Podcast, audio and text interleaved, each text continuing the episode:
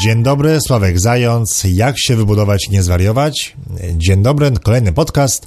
E, dzisiaj trochę o cenach e, i tym, czy niska cena to oznacza niska jakość, ale zdecydowaną, zdecydowanie dużo miejsca poświęcę projektom, projektantom i tego, co właściwie powinien zawierać projekt budowlany.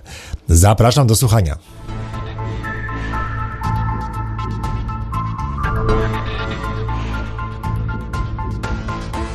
Niedawno napisałem na blogu artykuł dotyczący zawartości projektu budowlanego. E, napisałem artykuł, ponieważ po przejrzeniu chyba kilkudziesięciu projektów, e, które otrzymuję także od Was, doszedłem do jednego wniosku, a mianowicie takiego, że co projekt to inaczej. E, sami projektanci chyba nie do końca wiedzą, co powinien projekt budowlany zawierać i każdy robi po swojemu. Pomimo tego, że są obowiązujące przepisy, i tak projektanci mają swoje pomysły. Przyznaję, że e, przepisy nie zawsze są jednoznaczne. E, niektóre sformułowania można interpretować na różne sposoby. Tym niemniej, Większość projektantów interpretuje przepisy tak, aby im było wygodnie i powstaje projekt, który nie jest dla ciebie za bardzo użyteczny. I, I dzisiaj będę o tym opowiadał, ale zacznę od czegoś innego. Chcę taki tok myślowy trochę przeprowadzić, abyście mm, zrozumieli, y, dlaczego projekt budowlany jest tak ważny i właściwie do, do czego jest potrzebny. I zaczynam. Zacznę od cen. Najtańszy projekt indywidualny, który miałem przyjemność oglądać, kosztował poniżej 5000 zł podobno brutto, już z podatkami. Gdzieś tam na forach ludzie chwalą się projektami za 3,5 tysiąca złotych. Szczerze mówiąc, chciałbym zobaczyć taki projekt. Takiego jeszcze nie wiedziałem, nie oceniam. Natomiast te najdroższe projekty indywidualne, e, no widziałem za około 30 tysięcy netto. No to różnice są bardzo duże między, między tymi projektami. No i pytanie, Skąd ta różnica i czy niska cena oznacza niską jakość i ten droższy projekt jest lepszy? E, zaraz odpowiem na to pytanie, ale chciałbym zaznaczyć, że jakby dla mnie w odróżnieniu od chyba większości osób niska cena nie oznacza niskiej jakości. Na niską cenę wpływa mnóstwo czynników. No zastanówmy się, jeżeli mamy na przykład wycenę na cokolwiek, niech to będzie ułożenie glazury za 4000, e, a drugi glazurnik daje nam ofertę na 6000 zł, czy to oznacza, że ta niższa cena jest za niska i to oznacza niską jakość? Nie. To może tylko oznaczać to, że glazurnik, który oferuje 4, za, wykonanie pracy za 4000 zł, nie wystawi ci żadnego rachunku faktury, pracuje na czarno, a drugi glazurnik no, odprowadza podatki, odprowadza podatek dochodowy, odprowadza podatek VAT, e, musi płacić ZUS, być może ma jakichś tam pracowników i finalnie jeden i drugi zarabią tyle samo, ale ty zapłacisz więcej o te 2000 zł, no tylko dlatego, że jeden z glazurników no, jest uczciwy, jakby nie patrzeć, a drugi nie. nie. Ja mam swoją firmę, prowadzę biuro tłumaczy od kilkunastu lat i y, jakby rozumiem, jak denerwujące jest to, jak konkurencja oferuje pewne produkty mm, taniej, tylko dlatego, że nie odprowadzają podatków, że robią pewne rzeczy na czarno. Z jednej strony to jest przykre, bo gdyby wszyscy płacili podatki, to podejrzewam, że te podatki byłyby o wiele niższe i chyba byśmy na tym wszyscy skorzystali. No, z drugiej strony nie dziwię się tym, że niektórzy pracują na czarno, ponieważ podatki są za duże i tak naprawdę no, tylko rządzący, niezależnie od tego, jaka partia teraz jest na czele, tylko dociskając śrubę, podwyższają podatki, a my chyba nie do końca czujemy, na co te pieniądze idą. No ale jakby różnica między e, usługami w pierwszej kolejności wynika właśnie z tego, że jeden pracuje na czarno, a drugi płaci podatki. Druga rzecz jest taka, że ktoś się może po prostu wyceniać e, bardziej, więcej, choćby nawet dlatego, że jest starszy, ma dwójkę czy trójkę dzieci, musi zarobić więcej w ciągu miesiąca niż osoba, która jest młodsza, która na przykład e, no, nie ma jeszcze dzieci, tak ma mniejsze wymagania finansowe i być może tą robotę wykona tak samo dobrze, ale że ma mniejsze oczekiwania finansowe lub ma mniejsze wydatki, może wziąć mniej pieniędzy, tak? To jest takie bardzo, bardzo życiowe e, podejście.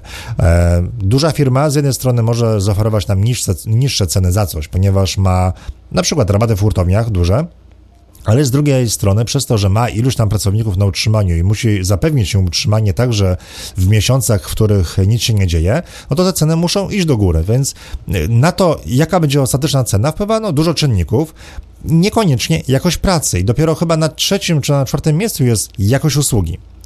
I Z mojego punktu widzenia, z mojej praktyki, jeżeli mamy dwóch wykonawców i sprawdziliśmy ich referencje, sprawdziliśmy ich e, jak tylko możemy, tak, zobaczyliśmy, czy nie ma jakichś opinii w internecie, e, podpiszą umowę, zagwarantujemy sobie bezpieczeństwo i obejrzeliśmy ich pracę i widzimy, że te prace są na równym poziomie, no to dlaczego mielibyśmy nie skorzystać z usługi tańszej, tak? No, dla, dla, mnie to absurd. Nie, wydajmy, nie wydawajmy za dużo pieniędzy tylko dlatego, że nam się wydaje, że niska cena oznacza niską jakość. Nie. Jeżeli ktoś decyduje się na wykonanie usługi taniej, my usługę akceptujemy, podpisujemy umowę, wszystko jest tip-top, to je, usługa musi być wykonana dobrze. Koniec. E, a nie tak jak czasami słyszę, że e, to jest trochę denerwujące, że na forach ktoś e, żali się na jakiegoś wykonawcę. Pierwsze pytanie jest to, ile zapłaciłeś? I jaka by nie była odpowiedź, o, mało, mało, masz na to zasłużyłeś. Absolutnie nie. Niska cena wynika z wielu czynników. Natomiast wydaje mi się, że jest trudno porównać dwie e, oferty na, szczególnie na rynku budowlanym czy też remontowym. No, przykładowo, mamy glazurnika. Tak, lubię przykład glazurnika, bo nie, ten przykład jest bardzo oczywisty dla wszystkich. E, jeden glazurnik poda jakąś cenę, drugi jakąś inną cenę wyższą. E, ta różnica w cenie może być oczywiście spowodowana tym, że jeden glazurnik pracuje na czarno, drugi nie, tak, jeden ma inne doświadczenie, drugi ma tak dalej, ale też może chodzić o to, że zakres pracy jest inny. Jeden glazurnik na przykład podał cenę całkowitą, biorąc pod uwagę metr kwadratowy ułożenia płytek, ale podczas prac może się okazać, że dochodzą jakieś dodatkowe koszty związane z szlifowaniem płytek. Na przykład zauważy podczas prac, że gdzieś ściana jest krzywa i trzeba ją wyrównać i też za to chce dodatkowe pieniądze no i to wyjdzie gdzieś w trakcie. A drugi glazurnik już to przewidział, e, wszystko wziął pod uwagę, no i oferta jest droższa, tak więc może się okazać, że ta droższa oferta finalnie będzie tańsza, tak, no bo wiesz ile zapłacić i koniec, a glazurnik tańszy będzie chciał od ciebie więcej pieniędzy.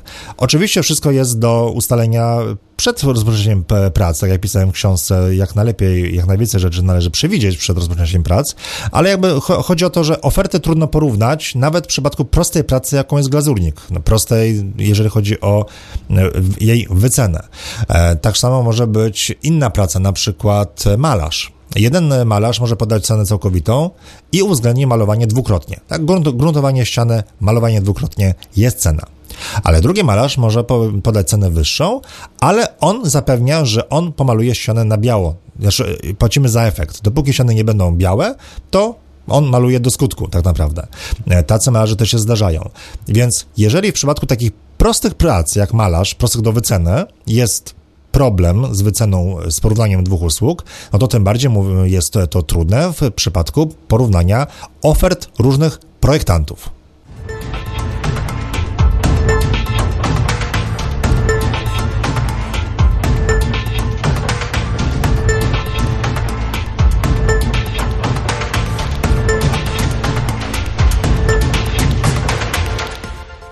Skąd różnica między cenami różnych projektantów? E, część rzeczy dotyczy tego, co zawiera usługa. Nie sam projekt budowlany, ale usługa. E, ponieważ jeden projektant może e, mieć na przykład jakieś specjalne wizualizacje 3D, może zapewnić ci w cudzysłowie chodzenie po projektowanym budynku, a drugi projektant jakieś wizualizacje na przykład bardziej skromne. Mm, jeden projektant jest w stanie zorganizować mapę do celów projektowych, drugi oczekuje tego od ciebie. Inny projektant może na przykład oferować wizję lokalną, e, a drugi nie. I takich jakby rzeczy związanych z usługą jest sporo. E, może być na przykład tak, że jeden projektant oferuje wykaz materiałów budowlanych, drugi nie. Jeden oferuje wszystkie formalności do pozwolenia na budowę, a drugi nie. Jeden oferuje nadzór autorski, a drugi nie. I tak dalej, i tak dalej. Czyli już tutaj e, zakresy usług są diametralnie różnie, różne. Ale mimo wszystko to dalej nie tłumaczy tego, że niektóre projekty, niektórzy projektanci chcą 4-5 e, razy nawet więcej pieniędzy od innych projektantów. Gdzieś jeszcze jest, gdzieś jeszcze jest szczegół jakiś, który, którego nie widzimy. I myślę, że szczegóły są dwa. Jedna rzecz to jest to, ile projektant przeznaczy czasu na realizację projektu. Jeżeli mamy projektanta, który na przykład poprosi nas o pokazanie projektu typowego, gotowego, który nam się podoba i tylko narysuje coś podobnego, mm, potem da to konstruktorowi do przeliczenia i będzie projekt budowlany, no to taki projektant poświęci nam niewiele czasu, w związku z tym weźmiemy mniej pieniędzy. E, drugi projektant e, może zrobić inaczej. Może wziąć czystą kartkę, a nawet zanim weźmie kartkę, porozmawia z tobą, z wami, e, spyta o to, jaki macie plan dnia, jakie macie oczekiwania, potrzeby. O tym już kiedyś mówiłem i na podstawie tego, co w ogóle, o czym marzycie, jakie macie potrzeby, będzie pomału projektował wam dom. Takie projektowanie zajmuje o wiele, wiele więcej czasu. To może wymagać nawet kilku, a może nawet kilkunastu spotkań, ponieważ projektant będzie przedstawiał kolejne koncepcje domu, będą jakieś poprawki, zmiany, dużo pracy. No, w związku z tym, że tych spotkań będzie dużo i tej pracy będzie dużo, no, siłą rzeczy projektant weźmie więcej pieniędzy. To jest jakby jasne. I stąd się bierze pierwsza różnica między projektem na, na przykład za 4 tysiące, a za 10 tysięcy. Po prostu jeden z projektantów naprawdę będzie robił wszystko, aby dom był pod wasze potrzeby, a drugi projektant no, zrobię jakiś dom, powiem wam, że tak może być, albo że musi być i wy będziecie zadowoleni, ale no, no, to nie radzę tak robić, ponieważ no, nie bez powodu jest przysłowie, że pierwszy dom buduje się dla wroga, ponieważ dopiero po wybudowaniu domu zazwyczaj poznajemy swoje potrzeby lepiej i okazuje się, że to, co nam się wydawało kiedyś w porządku, e, no wcale takie nie jest i nam zaczyna nasz dom trochę przeszkadzać, więc e, dlatego bardzo polecam, przy, szczególnie przy pierwszym domu, e, bardzo dobrze porozmawiać, poznać swoje potrzeby i oczekiwania, bo to, co nam się wydaje, niekoniecznie jest hmm, zgodne z prawdą, tak? Znaczy sobie pewne rzeczy nie, nie zdajemy sprawy, e, szczególnie jeżeli na przykład mieszkamy w jakimś mieszkaniu mniejszym i nagle chcemy budować dom dwa razy większy, no nam się wydaje, że tam jest taka przestrzeń, że na wszystko starczy miejsca. Tymczasem po budowie domu może się okazać, że e, pokoje są nieustawne, że no, korytarze są za wąskie, e, że kuchnia jest nieergonomiczna. Są pewne rzeczy, które można przemyśleć przed budową domu, właśnie na etapie projektu i to właśnie z projektantem, y, który pan nam poświęci dużo czasu. I to jest jedna rzecz, która wpływa na cenę. Ale i to jest taka, żebym powiedział, bardziej oczywista. Natomiast rzecz nieoczywista to jest sama zawartość projektu budowlanego. O zawartości projektu budowlanego mówi m.in. rozporządzenie o zawartości projektu budowlanego, w którym jest to opisane całkiem nieźle, chociaż nie do końca jest to jasne, bo gdyby było jasne, no to każdy by się tego trzymał i każdy projekt byłby identyczny, jeżeli chodzi o zawartość. No tymczasem, no widzę projekty, które mają po 20-30 stron, a widzę projekty, które mają po 100 parę, więc no ewidentnie jest jakieś, jest jakaś różnica i projektanci interpretują te przepisy na różne sposoby. I zanim będę mówił o przepisach, które są nudne, jakby nie patrzeć, e, chciałbym się skoncentrować na tym w ogóle, po co nam projekt budowlany. E, bo projektanci w dużej części twierdzą, że projekt jest potrzebny do tego, żeby dostać pozwolenie na budowę. Ale czy na tym nam naprawdę zależy? No, pozwolenie na budowę jest tylko jakimś świstkiem. No, urzędnik zgadza się, że możesz wybudować dom i, i działamy, tak? Ale to nie wystarcza do tego, żebyś mógł wybudować dom i nie zwariować, e, tylko to jest e, potwierdzenie. E, urzędnik, który dostaje mm, projekt budowlany do, jakby do, do oceny, to on ocenia tylko zawartość tak hasłowo. Patrzy, czy jest projektowana charakterystyka energetyczna, patrzy, czy mm, projekt domu jest możliwy do wybudowania na danym terenie, przykładowo, czy jest zgodny z planem miejscowym, czy też warunkami zabudowy. Sprawdza tam kilka elementów i pieczątka, cześć, stempelek, możemy startować. Ale nie sprawdza e, dokładnie zawartości projektu budowlanego. Nie dziwię się, ponieważ analiza projektu budowlanego zajmuje kilka godzin, jak nie kilka dni, wymaga mm, umiejętności z różnych dziedzin, to nie ma ani środków, ani wystarczającej liczby urzędników. E, więc to, że urzędnik potwierdził projekt, nie oznacza, że będziesz się wybudować bez nadmiernego stresu. Ale o czym mówię? No, wyobraź sobie, że zaczynasz budowę, masz projekt e, i w projekcie masz informację o tym, że e, ściana ma być wykonana z betonu komórkowego szerokości 24 cm, a dom będzie ocieplony styropianem o grubości szerokości 12 cm. Czy te informacje są wystarczające? No nie. E, styropian o grubości 12 cm no, nic ci nie mówi. Na podstawie tej informacji nie wiesz, jaki kupić styropian. Czy biały, czy grafitowy, jaki współczynnik przewodzenia ciepła, czyli jaka lambda, jaka twardość tego styropianu, po prostu nie wiesz. Kto ma to wiedzieć? No właśnie nie ty, bo jesteś inwestorem. Ty masz kapitał, chcesz budować dom, nie znasz się na kwestiach technicznych, nie znasz się na storypianie, bo uważaj, nie musisz się znać, nie, nie musisz się doszkalać teraz z takich kwestii, a przede wszystkim nie jesteś w stanie dobrać e, odpowiedniego steropianu do swojego domu, ponieważ nie masz odpowiedniej wiedzy i narzędzi. Ja też nie jestem w stanie tego zrobić, ponieważ każdy dom jest inny, Każda lokalizacja jest inna. Od tego jest projektant, aby dostosował ocieplenie do danej działki, danej lokalizacji, danej, mm, danej e, sytuacji. Projektach są co prawda charakterystyki energetyczne, które są zresztą wymagane przepisami, ale połowa z nich nie ma w ogóle znaczenia, ponieważ e, są to zrobione charakterystyki po to, żeby po prostu urzędnik mógł zobaczyć, że jest charakterystyka i żebyśmy uzyskali pozwolenie na budowę. E, tymczasem projekt powinien być po to, żebyśmy my wiedzieli już na etapie właśnie projektowania, ile dom potrzebuje energii na ogrzanie i na przygotowanie ciepłej wody użytkowej. W tym celu projektant musi poznać nawet nas i nasze potrzeby, bo w zależności od tego, jaką temperaturę lubimy, no tym zapotrzebowanie na energię będzie większe lub mniejsze. Nie każdy lubi 20 stopni, a tak się głównie przyjmuje w, tam według norm. Ty możesz lubić temperaturę 22 stopni i wtedy mm, wszystkie obliczenia będą oczywiście inne.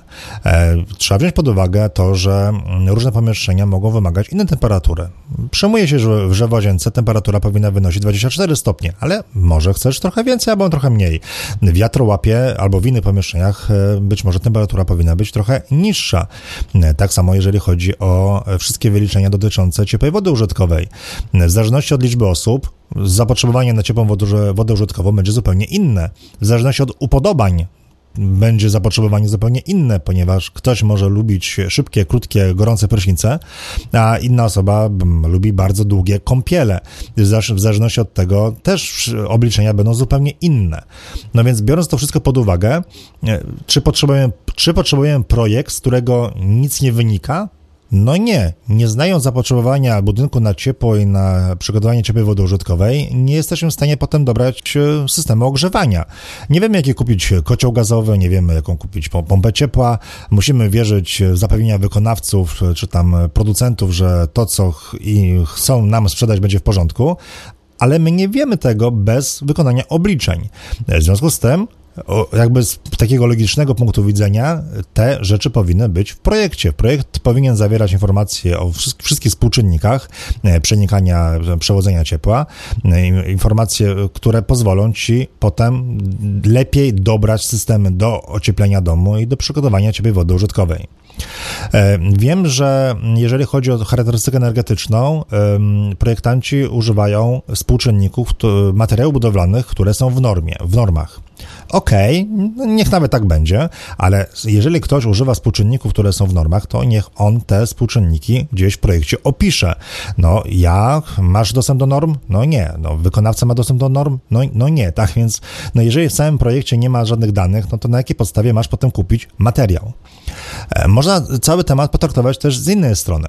No bo jeżeli ty nie znasz się na steropianach, zakładam, że się nie znasz, e, projektant mówi, że on umywa ręce, bo wszystko to się tak okaże, no to kto ma podjąć decyzję? No zastanówmy się, czy ma być to wykonawca? No, wykonawca, co ci powie? No, powie ci, co wynika z jego jakiegoś tam doświadczenia. No, może powiedzieć, że na przykład teraz się buduje tak, że się ociepla e, styropianem e, o grubości 15 cm. Albo powie, żebyś kupił jak najdroższy, jak najcieplejszy, bo na pewno na tym nie stracisz. A to właśnie są bzdury, ponieważ bez obliczeń wykonawca nie jest w stanie powiedzieć, czy dany wydatek się opłaci, czy też nie. Bardzo łatwo podczas budowy przepłacić na każdym etapie budowy. Bardzo łatwo jest kupić styropian grubszy, cieplejszy, który, który będzie nas kosztował więcej, niepotrzebnie. Mm, przykład jest prosty. Jeżeli mamy na przykład 10 cm styropianu i chcemy dołożyć kolejne 10 cm, to prawdopodobnie to się nam opłaci, tak, że to spowoduje, że ten styropian rzeczywiście, no, jakby wykorzystamy go, że znacznie ograniczymy ucieczki ciepła. Ale już dodanie 10 cm styropianu, jeżeli mamy już 20, Niekoniecznie, ponieważ wydając e, kolejne pieniądze i zmieniając grubość styropianu z 20 na 30 cm, korzyści mogą być prawie żadne albo bardzo niewielkie, powodujące to, że cała, że oszczędności na, na ogrzewaniu będziemy mieli na przykład 100 zł rocznie. Kto, to ma to, kto ma to stwierdzić? No, nie wykonawca, ponieważ nie ma projektu przed sobą takiego, że nie ma wszystkich e, danych pozwalających mu to wszystko policzyć. Ma te dane właśnie projektant i dlatego on za to powinien odpowiadać. E, tak samo grubości styropianu nie powinien decydować kierownik budowy z tych samych przyczyn, ponieważ on nie ma wszystkich danych. Powtarzam, że aby dobrać e, grubość ocieplenia, trzeba wiedzieć dużo rzeczy, trzeba mieć projekt na komputerze i wszystkie obliczenia wykonane, e, trzeba wiedzieć, gdzie jest dom umiejscowiony, jak jest um, usytuowany względem stron świata, w jaki sposób wykorzystuje światło, trzeba obliczyć kwestie wentylacji i zysków, jeżeli jest rekuperacja, to zysków zysków także z tego powodu i tak dalej, i tak dalej. To jest dużo roboty. Projekt powinien te informacje zawierać. Ok, ale teraz od kilku minut mówię tylko o styropianie i tylko o lambdzie styropianu, ale idziemy dalej.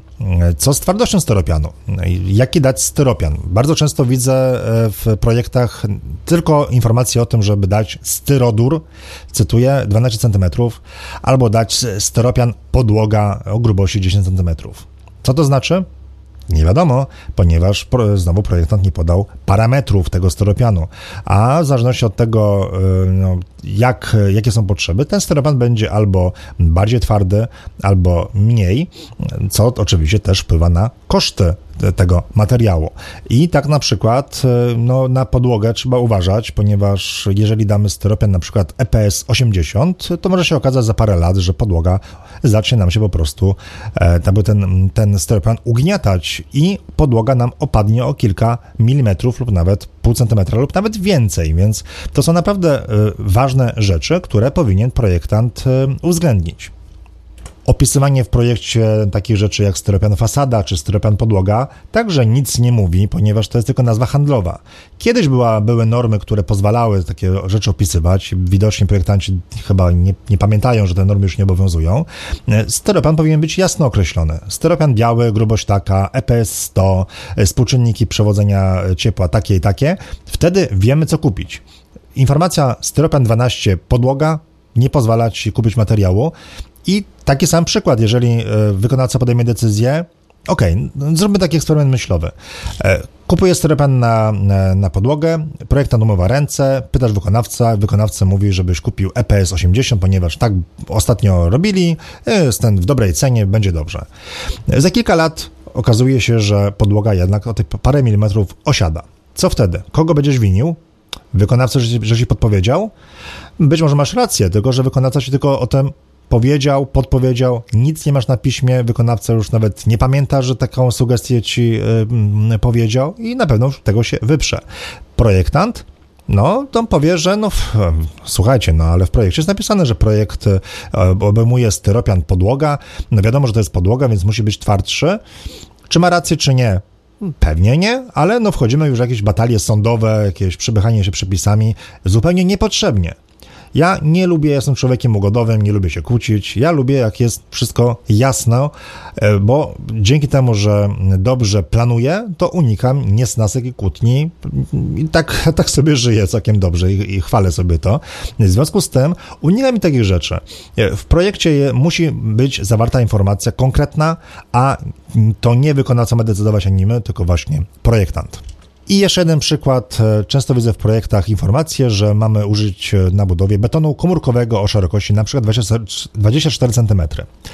E, no i pytanie, jakiego betonu użyć? Mm, no w zależności od klasy, teraz wszedłem sobie w internet, w jakąś tam hurtownię internetową i, i widzę różne klasy gęstości takiego betonu komórkowego i widzę dwie ceny, na przykład 10,69 albo 12,27 brutto.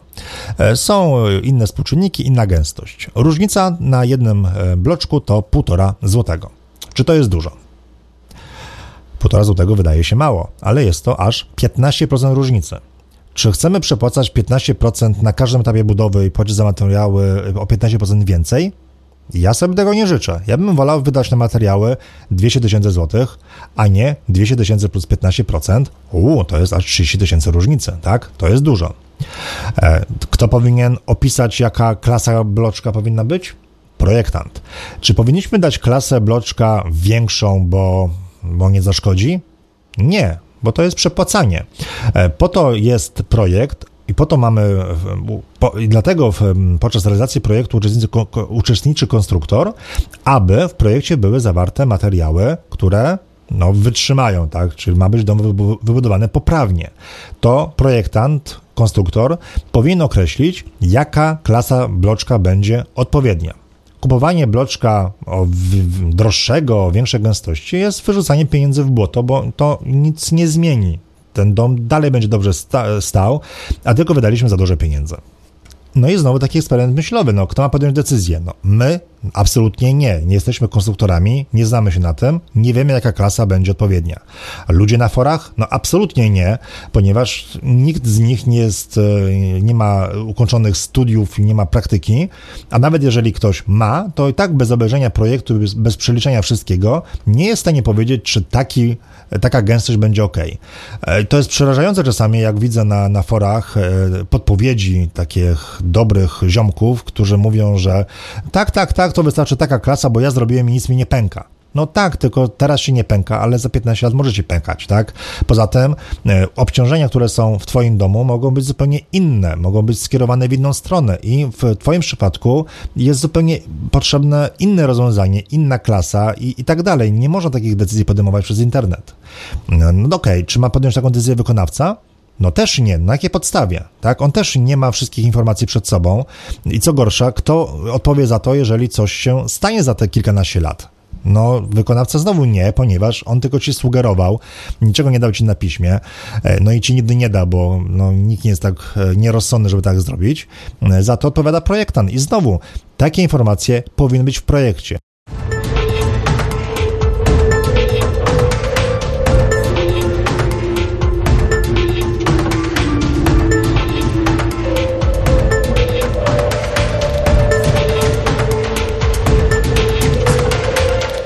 Ja wiem, że tak się w Polsce buduje, niestety, że większość projektów nie jest kompletna i dopiero na budowie zaczynamy coś tam wymyślać i projektanci się do tego przyzwyczaili, mm, wiedząc o tym, że i tak zrobimy po swojemu.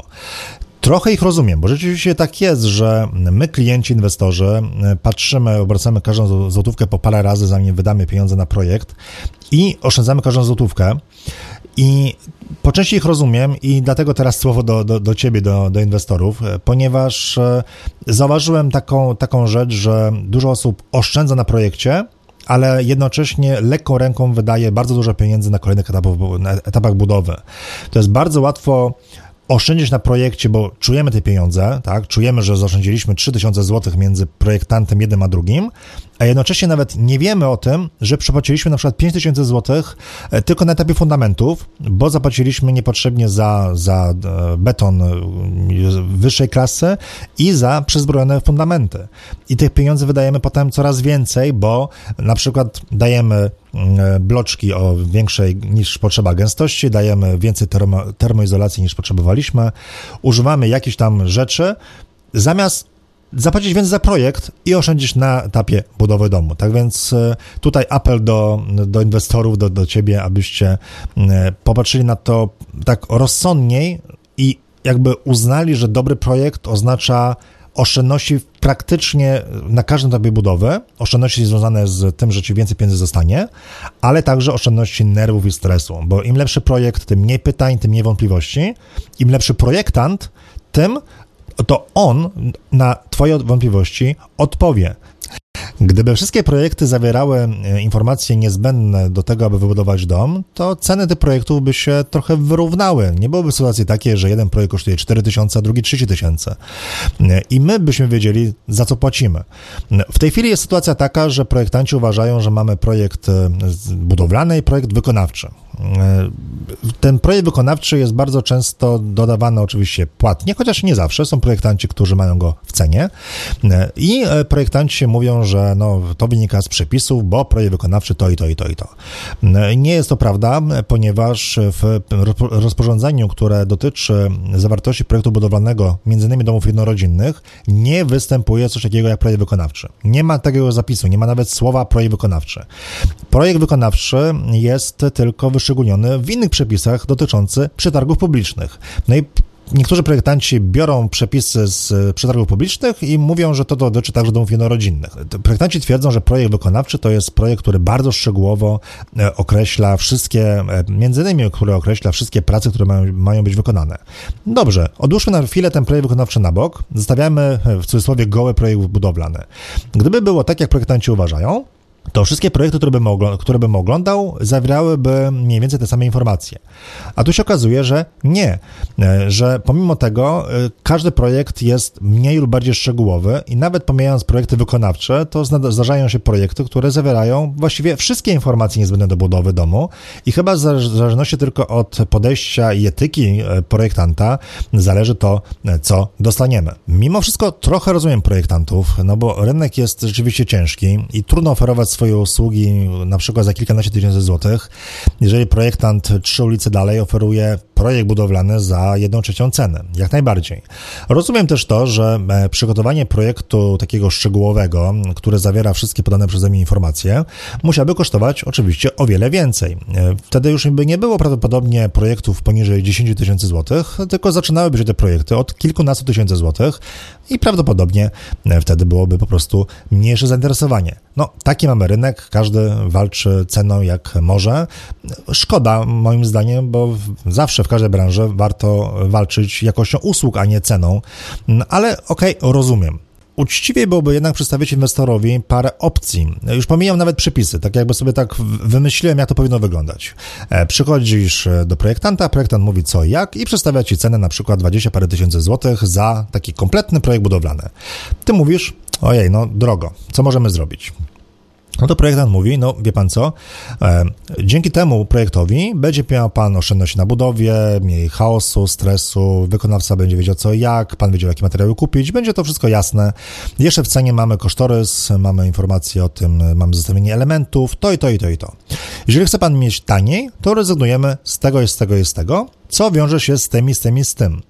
I wtedy można podjąć taką racjonalną decyzję. Aha, dobra, czyli zapłacę na przykład 5000 mniej za projekt, to będzie oznaczało, że będę musiał w kilku tam kwestiach podeprzeć się wykonawcą, co może być ok, bo na przykład e, masz wykonawcę polecanego, ufasz mu bezgranicznie, wiesz, że zrobi dobrze, w związku z tym nie potrzebujesz na przykład szczegółowego opisu jakichś tam prac, albo nie potrzebujesz e, jakichś dodatkowych informacji, bo wiesz, że sobie poradzisz. I dla mnie to jest jak najbardziej ok, ponieważ wtedy podejmujesz racjonalną decyzję na podstawie danych, które są ci udzielone.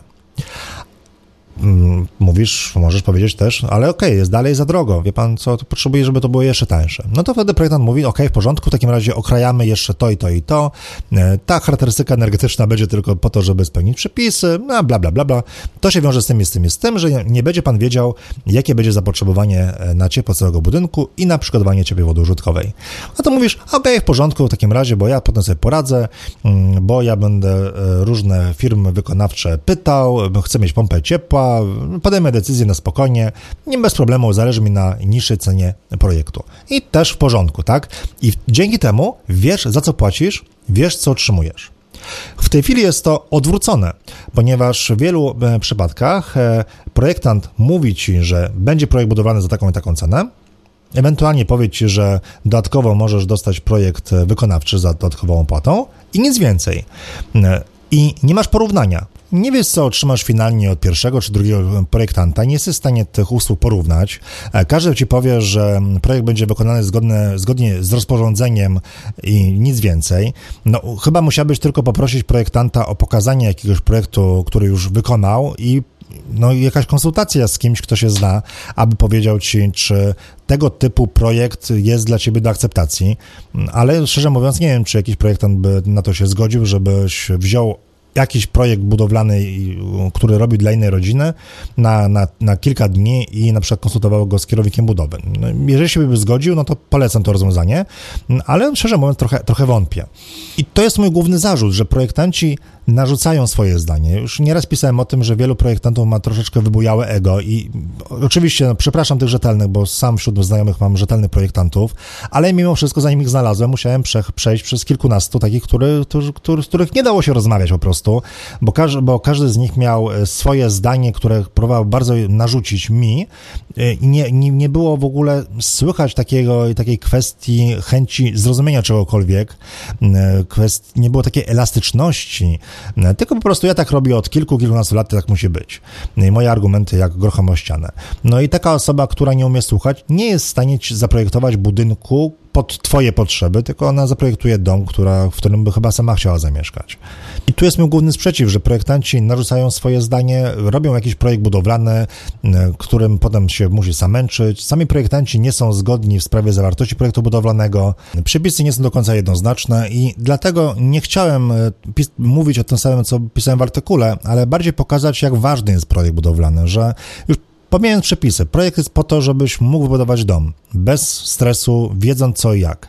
Za projekt odpowiada projektant, bo za projekt nie może odpowiadać nikt inny. Nie ty, bo się na tym nie znasz, nie wykonawca, bo za to odpowiedzialność nie weźmie, nie kierownik budowy z tych samych przyczyn. Projektant. Projektant odpowiada za to, żebyś przez kolejne kilkanaście, kilkadziesiąt lat bezboleśnie wjeżdżał do garażu swoim samochodem. Trzeba przewidzieć, trzeba rozplanować, w jaki sposób ma być zrobiony ten wjazd do garażu. Część projektantów powie, że to jest element tego projektu wykonawczego, ale jeżeli tak, dlaczego w części projektów niewykonawczych widzę takie rozwiązania? E, tak samo połączenie tarasu z budynkiem. Część projektantów powie, że to nie jest ich rolą, ale jednak w części projektów takie rozwiązania widzę. E, część projektów powie, że projektantów powie, że nie trzeba wpisa, wpisywać nosności mm, materiałów budowlanych, bo to wynika na przykład z norm, no ale dla, dlatego, e, dlaczego zatem w wielu projektach te informacje są? Tak, to rozróżnia z mojego punktu widzenia rzetelnych projektantów, którym zależy na tym, żebyś wybudował dom bez problemów, a nierzetelnych, którzy trochę tak spychają odpowiedzialność, że to ty podejmiesz decyzję, to wykonawca podejmie decyzję, to kierownik podejmie decyzję, ale nie ja. E, no a trzeba wiedzieć, że każda decyzja e, no, z czym się wiąże. E, no, zmiana grubości styropianu czy lambdy, no to może spowodować to, że będziesz płacił mniej za ogrzewanie albo więcej. Powiedzmy, że można to uznać. No, nie mała szkodliwość, tak? Stać jakieś tam pieniądze. Ale już zmiana na przykład, czy też zastosowanie e, złego materiału budowlanego może grozić pęknięciami tynku. Może prowadzić naprawdę do poważnych rzeczy. W związku z tym, no nie pozwólmy projektantom decydować o tak ważnych rzeczach innym osobom, które nie są odpowiedzialne za projekt. I na koniec jeszcze w ramach e, cen różnych usług, e, tylko nadmienię o kierowniku budowy, bo tutaj też ceny usług są różne. Są kierownicy, którzy biorą za prowadzenie budowy 1500 zł, a są tacy, którzy biorą 6000 zł. Różnice są czasami 3-4-krotne. Jak mówiłem na początku, z czegoś to musi wynikać. Tak duża różnica w cenach oznacza to, że jest gdzieś haczyk, czyli ten zakres usług jest inny. No i faktycznie e, kierownik tańszy zazwyczaj na budowie zjawi się 4-5 razy zobaczę tylko, co tam e, słychać, czy wszystko jest w porządku robione na tych najważniejszych etapach budowy, e, wpiszę do dziennika budowy, wszystko w porządku, czyli to jest taka bardziej formalność, bym powiedział. Ważna rzecz oczywiście, ale mimo wszystko bardziej formalność. Natomiast ten kierownik budowy droższy, na tej budowie może być e, częściej, zbada w ogóle projekt pod kątem rzeczy, które teraz mówiłem, bo idealnie byłoby, żeby kierownik budowy projekt budowlany wziął nawet do domu na kilka dni i zrobi po prostu pełną analizę tego, co brakuje, mm, bo to jest bezcenne. Już kilka razy widziałem e, e, taką korespondencję między kierownikiem budowy a projektantem, gdzie kierownik budowy wpisał na kilkunastu stronach braki, błędy, projekcie budowlanym i projektant musiał te informacje e, uszczegółowiać. Mm, I raz nawet widziałem, że projektant no, pisał, że ha, ha, ha, tak, przecież to jest, wchodzi projekt wykonawczy mm, na e, informację kierownika, że projekt wykonawczy nie jest nie dotyczy domów jednorodzinnych, no to projektant tylko napisał z uśmieszkiem, że będę pana cytowała. Mm, no i tak to czasami bywa, że nawet e, kierownicy budów muszą tak trochę mają, mają podgórkę, a chyba najważniejsze jest to, żeby każda osoba, która bierze udział mm, w procesie budowlanym, e, no jednak rozumiała, że efektem ma być zadowolenie twoje inwestora, ma być wybudowany dom, więc ważne jest to, żeby każda osoba, czyli i projektant, i wykonawca, i kierownik budowy podchodzili do swoich obowiązków rzetelnie i z zrozumieniem, i wtedy wybudujemy się i nie zwariujemy. Wiem, że czytają także projektanci, więc jeżeli akurat jesteś projektantem i masz inne zdanie na ten temat, zapraszam do dyskusji albo napisz mi maila. Chętnie porozmawiam, jestem otwarty na, na wszystkie rozmowy. Pozdrawiam serdecznie. Sławek Zając, jak się wybudować i nie zwariować.